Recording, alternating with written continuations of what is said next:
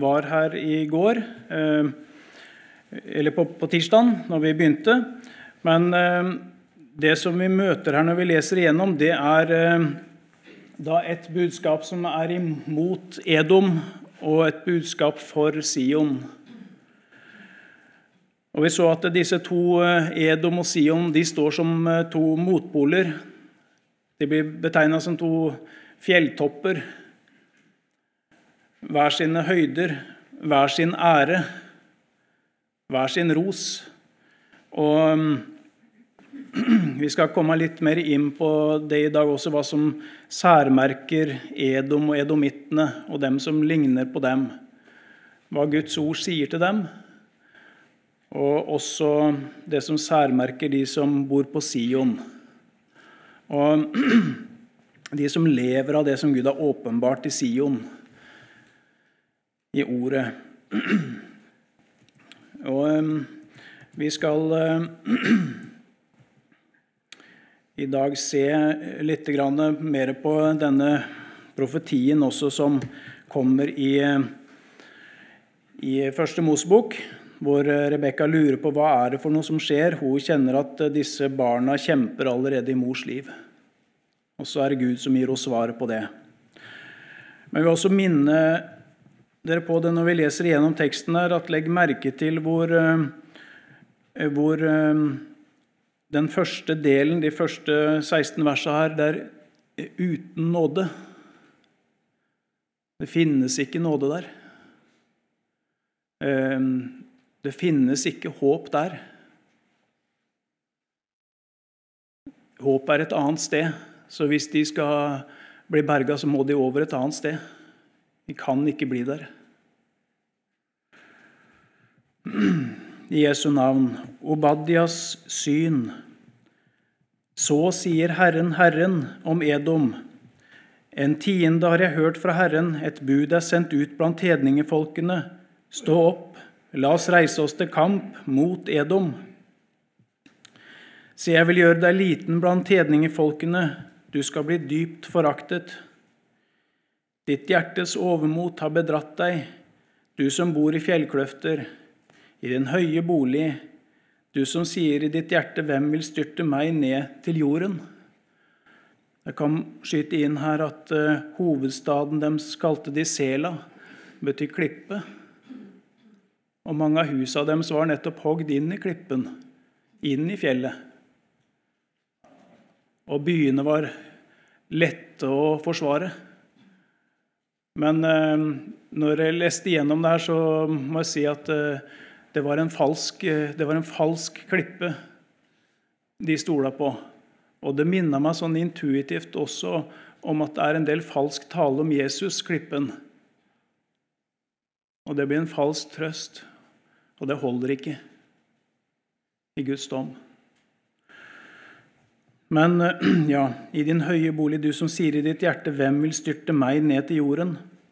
Om du bygger høyt som ørnen, om du setter ditt rede blant stjerner, så vil jeg styrte deg ned derfra, sier Herren. Om tyver kom til deg, eller røvere om natten, og hvor du blir tilintetgjort, ville de da stjele mer enn de trengte? Om, de til, eh, om det kom til deg folk som ville høste din vin, ville de da ikke la det bli en etterhøst tilbake? Altså Guds dom kommer til å bli mye hardere enn eh, et vanlig røveri. Men hvor blir ikke Esau ransaket, hans skjulte skatter oppsøkt?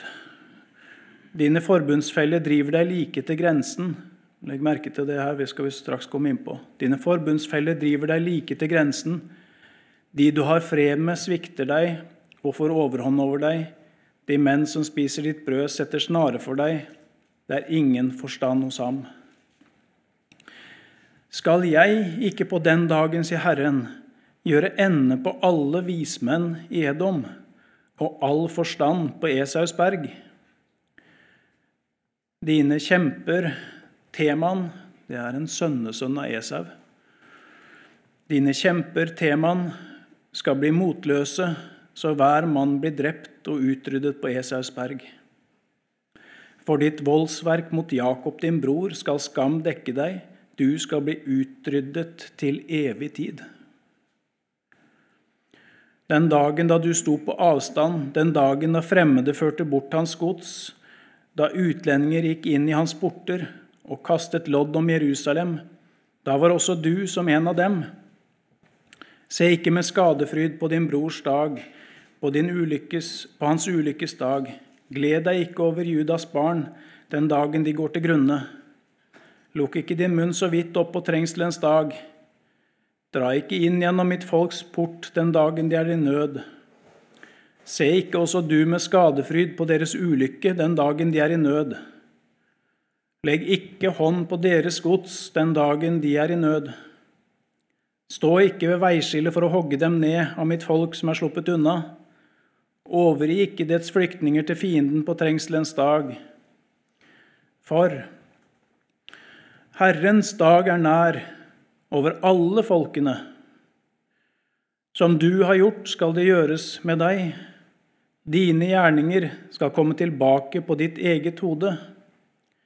For liksom dere har drukket på mitt hellige berg Det er altså Juda og Samaria og Juda. Det Gud har vist på dem opp gjennom historien. Liksom dere har drukket på mitt hellige berg, så skal alle folkene drikke uten opphold. De skal drikke i fulle drag og bli som om de aldri hadde vært til. Men på Sions berg skal det være en flokk som har sluppet unna. Det skal være hellig, og Jakobs hus skal ta sine eiendommer i besittelse. Jakobs hus skal bli en ild, og Josefs hus en flamme, og Esaus hus skal bli til halm, og de skal sette ild på det og fortære det. Det skal ikke bli noen tilbake av Esaus hus, for Herren har talt. De som bor i Sydlandet, skal ta Esaus berg i eie. De som bor i lavlandet, skal ta filistrenes land. De skal ta Efraims land og Samarias land i eie. Og Benjamin skal ta Gilead. De bortførte av denne Israels hær skal ta kananernes land helt til Sarepta. Og de bortførte fra Jerusalem, de som er i Sefarad, skal ta Sydlandets byer i eie. Redningsmenn skal dra opp på Sions berg og dømme Esaus berg, og riket hører Herren til.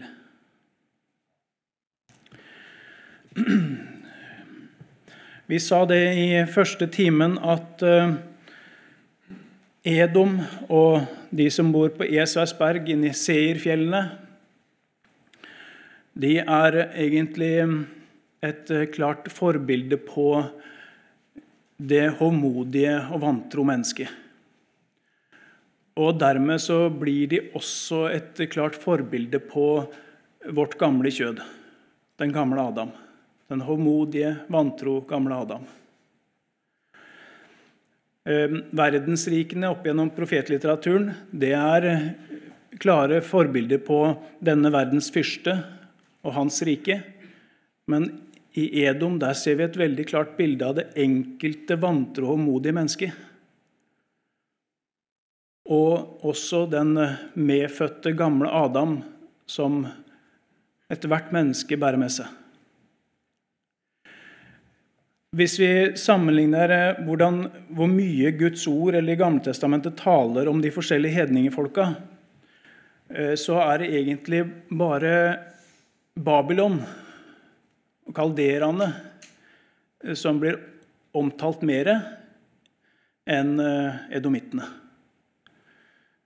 Edomittene blir omtalt flere ganger og i flere sammenhenger enn alle de andre hedningefolka, eh, bortsett fra Babel. Og jeg tenker at Det er noe vi skal legge merke til. Kan, vi kan bli anklaga for det kanskje i forkynnelsen at Ehm, at det blir talt for mye om synd, om kjødet og den gamle Adam. Ehm, men i hvert fall så ser vi det i Bibelen at det om igjen og om igjen så blir dette med Edom tatt fram. Og edomittene. Det skal vi merke oss.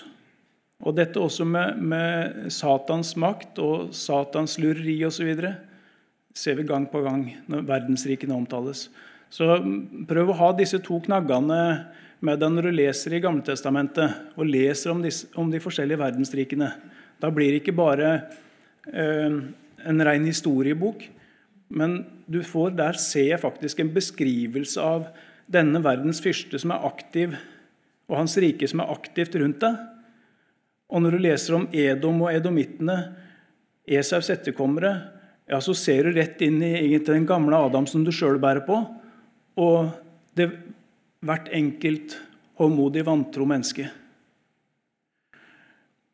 Det er en voldsom dom over det vantro mennesket. Det er ikke nåde hvis det forblir der Edom. Det må frelses ut. Det må over på en annen grunn. Ingen skulle bli latt tilbake. De skulle utryddes til evig tid. Og som jeg nevnte også til å begynne med, så står det det jødene I den jødiske tradisjonen i Talmud så står det at eh, Obadia han, at han var en edomittisk proselytt. Han var altså en som hadde fått flytte over. Flytte vekk fra håmodigheten og vantroen på Esausberg, hvor han hadde seg selv, eller de tingene sjøl satte sin lit til der. Og så han fått flytte over til Sion, til de løftene og til den åpenbaringen som Gud har gitt der. Få flytte over. I, i, da, da Esau og Jakob støtte sammen i mors liv, så gikk jo Rebekka og spurte Herren, og han sier at det er to folk. Og den eldste skal tjene den yngste, det blir også sagt det. Og Esau han flytta jo ut i seerfjellene og blir jo mektig. Eh, Jakob blir jo i Kanans land. Men det har vært litt rart å se det, ut, det går så lang tid før en kan se dette der at den eldste skal tjene den yngste. Hvis vi tenker når Esau og Jakob blir født, så er jo det sånn ja, 1950 eller sånn omtrent før Kristi fødsel. Ca. 2000 år før. Og um, I bibelhistorien så ser vi egentlig det klart og tydelig at uh, den dagen hvor, hvor um, Israels uh, da, overvinner edomittene og får overtaket over dem, det er ikke før nedpå Davids tid. Um, og Vi legger merke til at her på Obadia sin tid, det er jo enda 500 år seinere, da ser det jo også ut som at uh, det er helt motsatt her enn at den eldste som tjener den yngste. Det er den eldste som er sterkest. Den eldste etterkommeren etter Esau står og klapper i hendene når babylonerne invaderer Jerusalem, bortfører jødene. De er med på plyndringene. De beriker seg på deres ulykke. Så det ser helt motsatt ut. Men Gud har ofte lange tidshorisonter, men det blir som han sier. Det gjør det. Og så gikk det altså ca. 1000 år ifra Esau og Jakob blir født, til eh, vi leser om det på, på Davids tid, så står det i 2. Eh, Samuel 8, 13-14. Um, slå gjerne opp det, for der møter du noen uttrykk også som, som, peker inn i Edom. At vi blir klar over at det er det det er snakk om.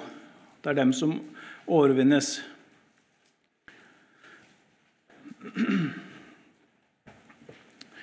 Eh, og Der står det, står det da at eh, da David 2. Samuel 8,13 Da David vendte tilbake etter å ha slått syrerne, vant han seg et navn i Saltdalen ved å slå 18 000 mann. Og han la krigsmannskap i Edom. Hele Edom la han krigsmannskap. Alle edomittene ble Davids tjenere. Slik hjalp Herren David overalt hvor han dro fram. Og Det er litt rart her at i, i hele Edom la han krigsmannskaper? Altså For det første så må vi si at David og Salomo, da, som her har da overtaket på, på Edom, og som styrer over dem, eh, de er jo klare forbilder på Kristus. Og Salomo da især som fredskongen, fredsfyrsten. Og Det er altså først når, når Jesus tar bolig i et menneskehjerte, når fredskongen tar bolig i et menneskehjerte, det er først da den gamle Adam blir døda og holdt i trelldom. Men det kan ikke skje før det. Det kan ikke skje før det. Husker du det hva Gud sa til, til trellkvinnen Hagar om hennes livsfrukt? At det blir et uh, villesel av et menneske. Det blir bare verre. Og Sånn er det hvis ikke Jesus ved trua får ta bolig i hjertet. At det er et sant forhold, at jeg både får lov å være i Han, i Kristus, i himmelen, og at Han bor i hjertet. Så kan det aldri være snakk om noe, eh, det å kue Edom. Men når det skjedde her, så ser vi også det at eh, da la David krigsmannskaper i hele Edom. Altså Han kunne ikke la noe i Edom være i fred. Han kunne ikke satse på at det gikk bra om han bare la krigsmannskaper en tredjedel av det. Nei, for det var et farlig potensial i resten. Og det her er noe med vårt forhold til kjødet å gjøre. Er noe med å legge Guds ord egentlig på alt som har med kjødet å gjøre. Krigsmannskaper. Og det er også det med å ta enhver tanke til fange under lydigheten mot Kristus. Det måtte legges ut krigsmannskaper overalt. Så skjer jo det at eh, ved Salomo er jo etter hvert da en, med han er en, en uh, uhyggelig historie. Og riket blir delt etterpå. Og etter hvert da så, så spretter da Edom fram igjen. Og så er det Israel som er kua av Edom.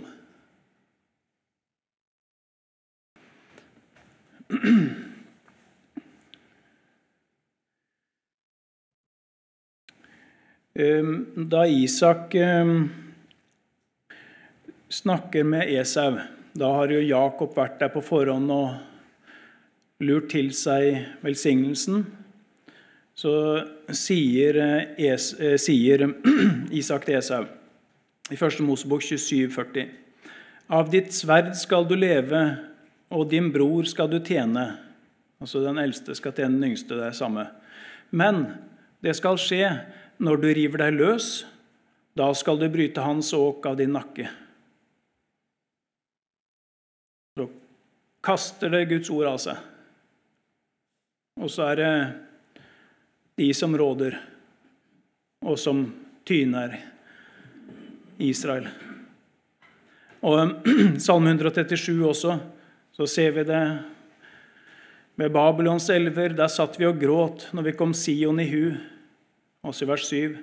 Kom Jerusalems dag i hu, Herre, så du straffer Edoms barn, de som sa, riv ned, riv ned like til grunnen i den.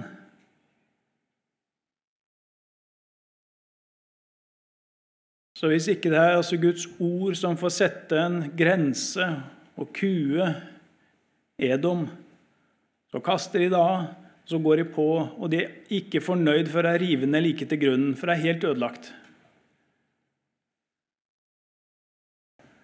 I 2. Peter eh, brev Jeg skal bare sitere det for dere.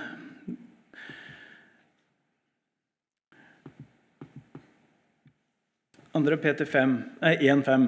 Så legg nettopp derfor all vind på at deres tro viser seg i rett liv, og i det rette livet kunnskap. Og i kunnskapen Her står det selvbeherskelse, men det er egentlig et dårlig ord der, men sakmodighet. Og i sakmodigheten utholdenhet, og i utholdenheten Guds frykt. Og i gudsfrykten broderkjærlighet, og i broderkjærligheten kjærlighet til alle. For når disse ting finnes finnes hos dere og får vokse, viser de at dere ikke er uvirksomme eller ufruktbare i kunnskapen om vår Herre Jesus Kristus. Det er altså en mulighet å være uvirksom og ufruktbar i kunnskapen om vår Herre Jesus Kristus.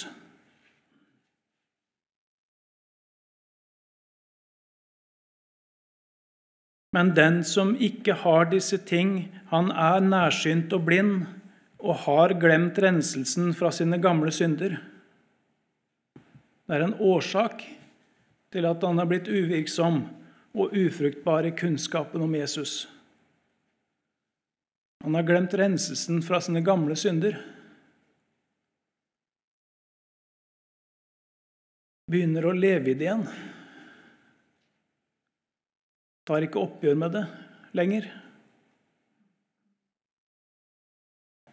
Og så har en fortsatt kunnskapen og kan si mye om Jesus, men det er ufruktbart, og han er uvirksom. Det, driver, det er ikke livet for en, og det er ikke maten for livet. Og som sagt, Edomitten er ikke fornøyd før jeg river helt ned, før jeg er helt dødt. Kjødets attrå er død.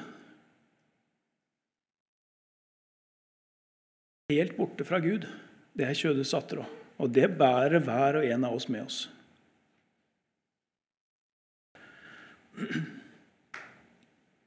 Så når du river deg løs, da skal du bryte hans åk av din nakke.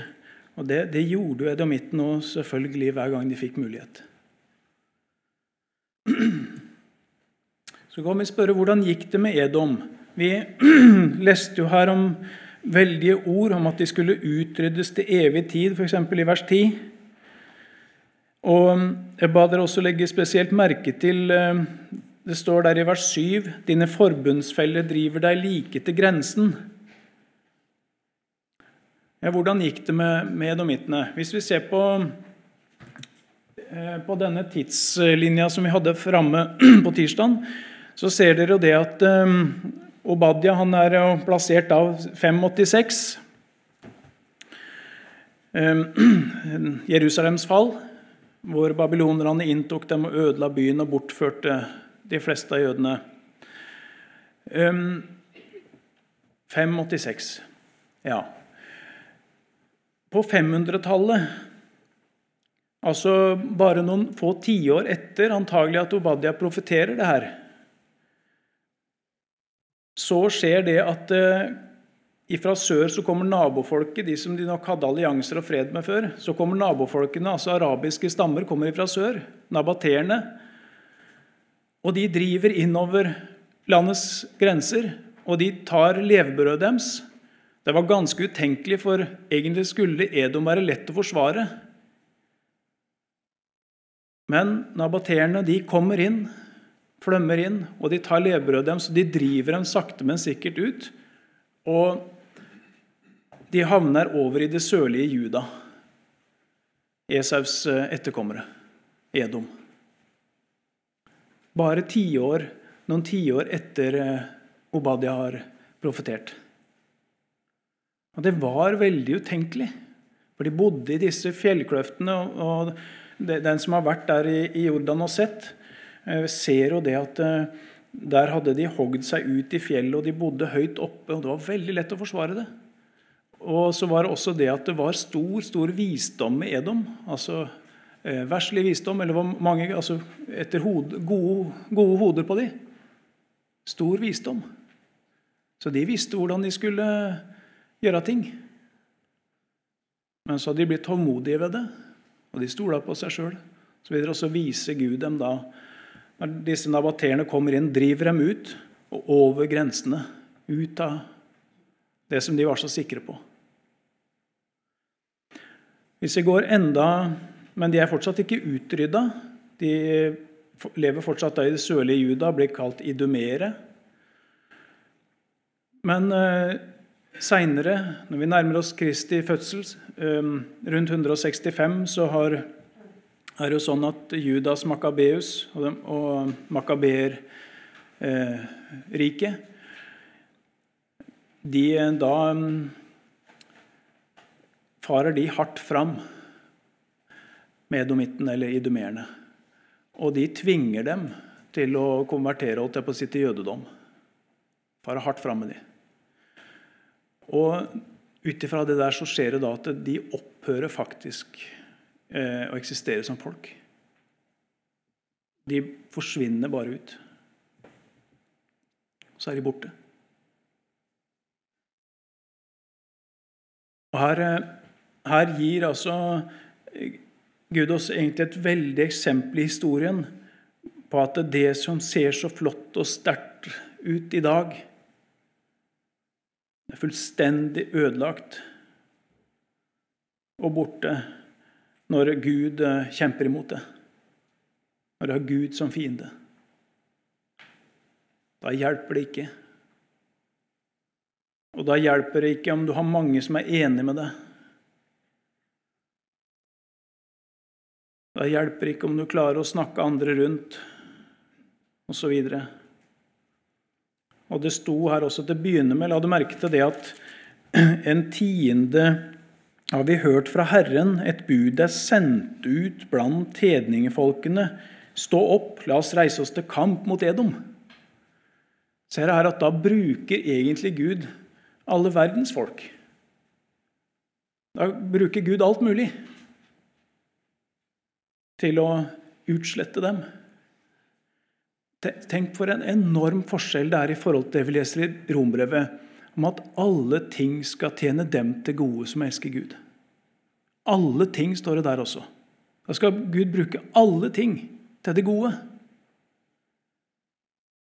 Og Derfor så trenger egentlig ikke et Guds barn da bekymre seg for noen av de tinga som kommer, samme hvor skremmende det er. For Gud skal bruke alle ting til det gode. Men så ser du her med edomittene. Her kaller da Gud ut, og så bruker han egentlig alle ting til det motsatte. Til å ødelegge dem. Det er det som er det forferdelig farlige med å ha Gud mot seg.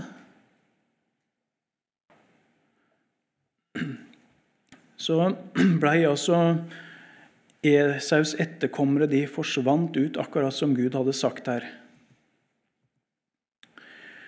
Så kan vi stille oss spørsmålet hvorfor det. Vi har vært inne på det litt tidligere, skal, og jeg kan ikke gjenta det, men vi skal prøve oss å utvide litt.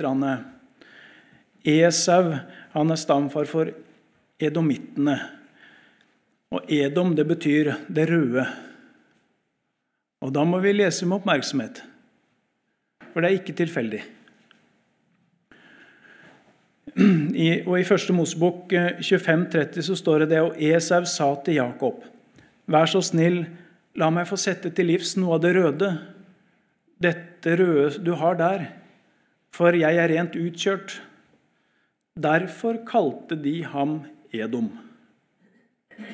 Altså Han blir kalt det røde, eller Edom, av den gangen han solgte førstefødselsretten sin for en, en rød matrett. Og det der med at han solgte førstefødselsretten for denne røde matretten, det følger med han og hans etterkommere. Det er også særmerket på alle som i Edom. De er lik han. De blir for alltid forbundet med denne røde linsesuppa eller denne røde matretten. Og så sier hebrebrevet 12,16.: Se til at ikke hos noen er et versl, at, Se til at ikke noen er utuktig eller verslig som Esau, han som solgte sin førstefødselsrett for et eneste måltid mat. Og Legg merke til her at her står det ikke at han solgte det for en masse mat, eller for mat resten av livet. Men det står her for, en, for ett eneste måltid. Så poenget er at det, er så ufattelig lite det han selger førstefødselsretten for. Det er så utrolig lite i forhold til hva førstefødselsretten og det som ligger under der, er. Og det kjennetegner altså alle som bor i Edom, og som Edom er et bilde på seinere. Førstefødselsretten, det var jo det at de skulle arve dobbelt. Den førstefødte skulle få en dobbelt arvedel, og i tillegg så skulle han settes inn som overhode for familien og i slekta. Tenk litt på hva Esau sin far og bestefar har levd i. Isak og Abraham. I første Mosebok 12 det som gjorde dem til et folk, det som gjorde at det, dem til en slekt her, det er at Gud kalte dem ut, og så ga dem løftet. Jeg vil velsigne dem som velsigner deg, og den som forbanner deg, vil jeg forbanne. Og i deg skal alle jordens slekter velsignes. Det hadde Gud lova altså Abraham. Og det var altså så det var altså For Esau da etterpå det var ikke så viktig med hva løfter Gud hadde gitt til Abraham, og som Isak videre hadde levd i. Hvilke rettigheter Gud Hvilke Guds, e, e, Guds evige planer. Det betydde ikke så mye. Nei, Han kunne godt selge det, Guds evige planer, kunne han godt selge for ett eneste måltid mat.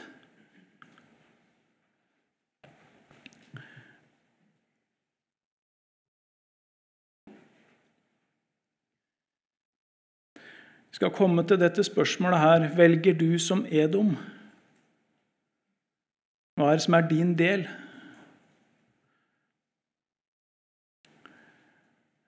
Men bare minne om dette her sånn at eh, Se til at ikke noen er utuktig eller verslig, som Esau.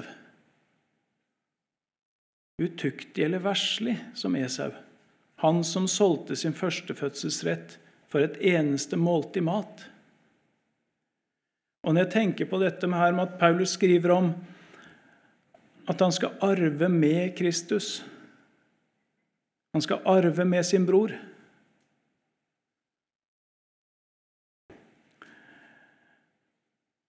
Være Kristi medarvinger. Altså det som altså Gud har lova noe til Kristus, en enorm arv.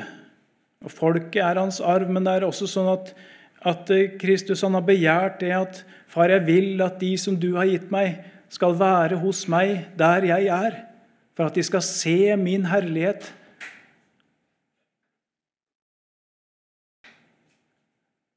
Arve sammen med Kristus. Verslig som Esau. Og så selger en dette Guds evige planer. Selger henne for et eneste måltid mat.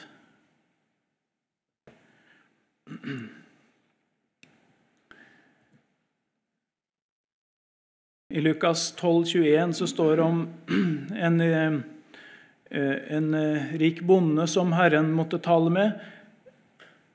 Slik er det med den som samler seg skatter og ikke er rik i Gud.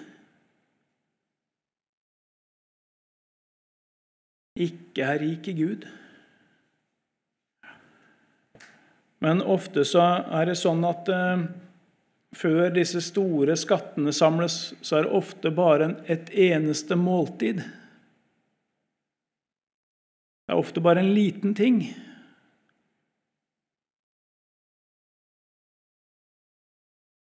Og så vet du at det er galt så vet du at Guds ord sier det er ikke greit. Men i hvert fall i andre menneskers øyne så er det bare en liten ting.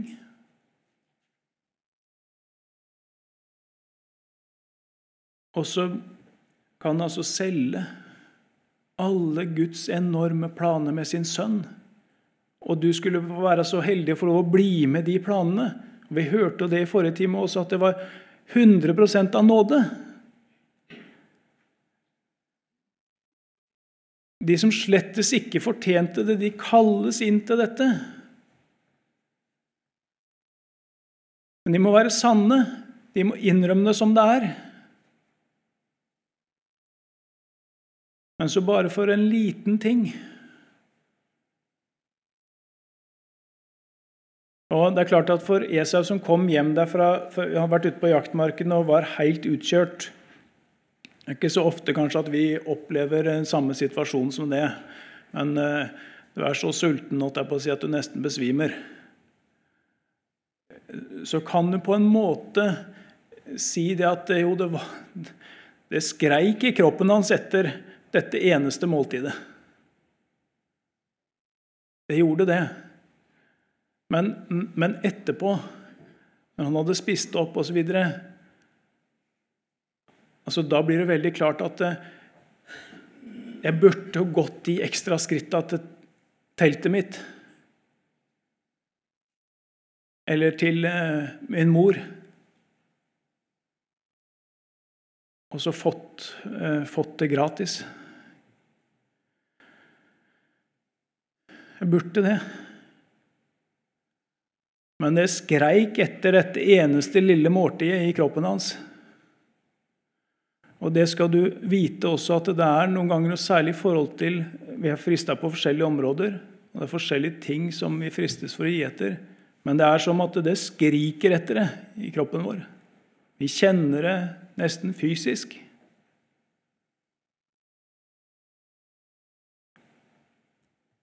Men det er et så forferdelig dårlig bytte.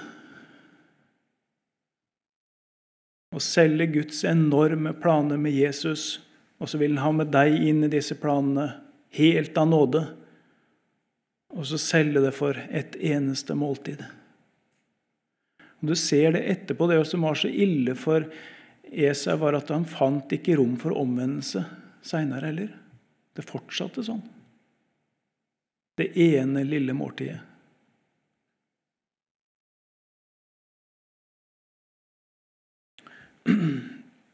Paulus sier det da at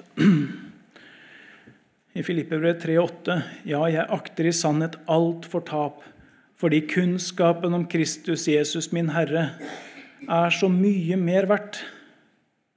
For Hans skyld har jeg tapt alt. Jeg akter det for skrap for at jeg kan vinne Kristus. Der er det, blitt, der er det snudd helt opp ned. Der er snudd helt opp ned, for Han har fått se inn i Guds enorme planer med sin sønn. Og han har fått se at det er planer som, som til og med favner altså han som har vært en forfølger og en drapsmann av Guds menighet. Det er planer som er så nådige at de favner han også. Og det er så stort at det dermed så Jeg har tapt alt, sier han. Og jeg akter det også for søppel i forhold til det å få lov å være i Guds planer med Kristus. Det er så mye mer verdt. Der er det snudd helt andre veien. Og um, Egentlig så er det også sånn at det er ikke noe hjelp i å drive og, og formane hverandre til ikke se på den matretten, ikke se på den matretten åndelig talt. Ikke spis av det, ikke spis av det. Um, og så skal du liksom som menneske da liksom holde deg unna alle mulige sånne ting. Nei, for, for saken er at hvis ikke du får spise hos Kristus, hvis ikke du får del i denne, i Jesus Spise av Han, at det er din mat, at det er det som dekker livsbehovet ditt så er det sånn at hvis ikke du spiser av den verslige retten, så kommer du til heller, eller kanskje ikke den heller, men du kommer til å spise av den. Du kommer til å spise av en av de. Så lenge ikke Jesus har blitt mat. Ja, kanskje litt av alle òg. Ja. Og det er sant at en, en faller sånn sett på alle områder. Men ja, for hans skyld har jeg tapt alt, og jeg akter det for skrap for at jeg kan vinne Kristus. Det er så mye mer verdt. Å bli funnet i ham Tenk på det. Eh, da betyr at det da, han, da er det sted han får lov å være. Da er det sted han får lov å oppholde seg og bo. Å bli funnet i ham. Ikke med min egen rettferdighet, den som er av loven, men med den jeg får ved troen på Kristus. Den rettferdighet jeg får ved troen på Kristus. Rettferdigheten av Gud på grunn av troen. Tenk, jeg får rettferdigheten av Gud. For et bytte. Og det er mat å spise av. Ja. Det er mat å spise av. Jeg ser det at eh, det er ganske mange trøtte hoder. Så jeg tror det at vi rett og slett skal ta pause nå, selv om det er en fem-seks minutter til eh, eh, egentlig til friminutt.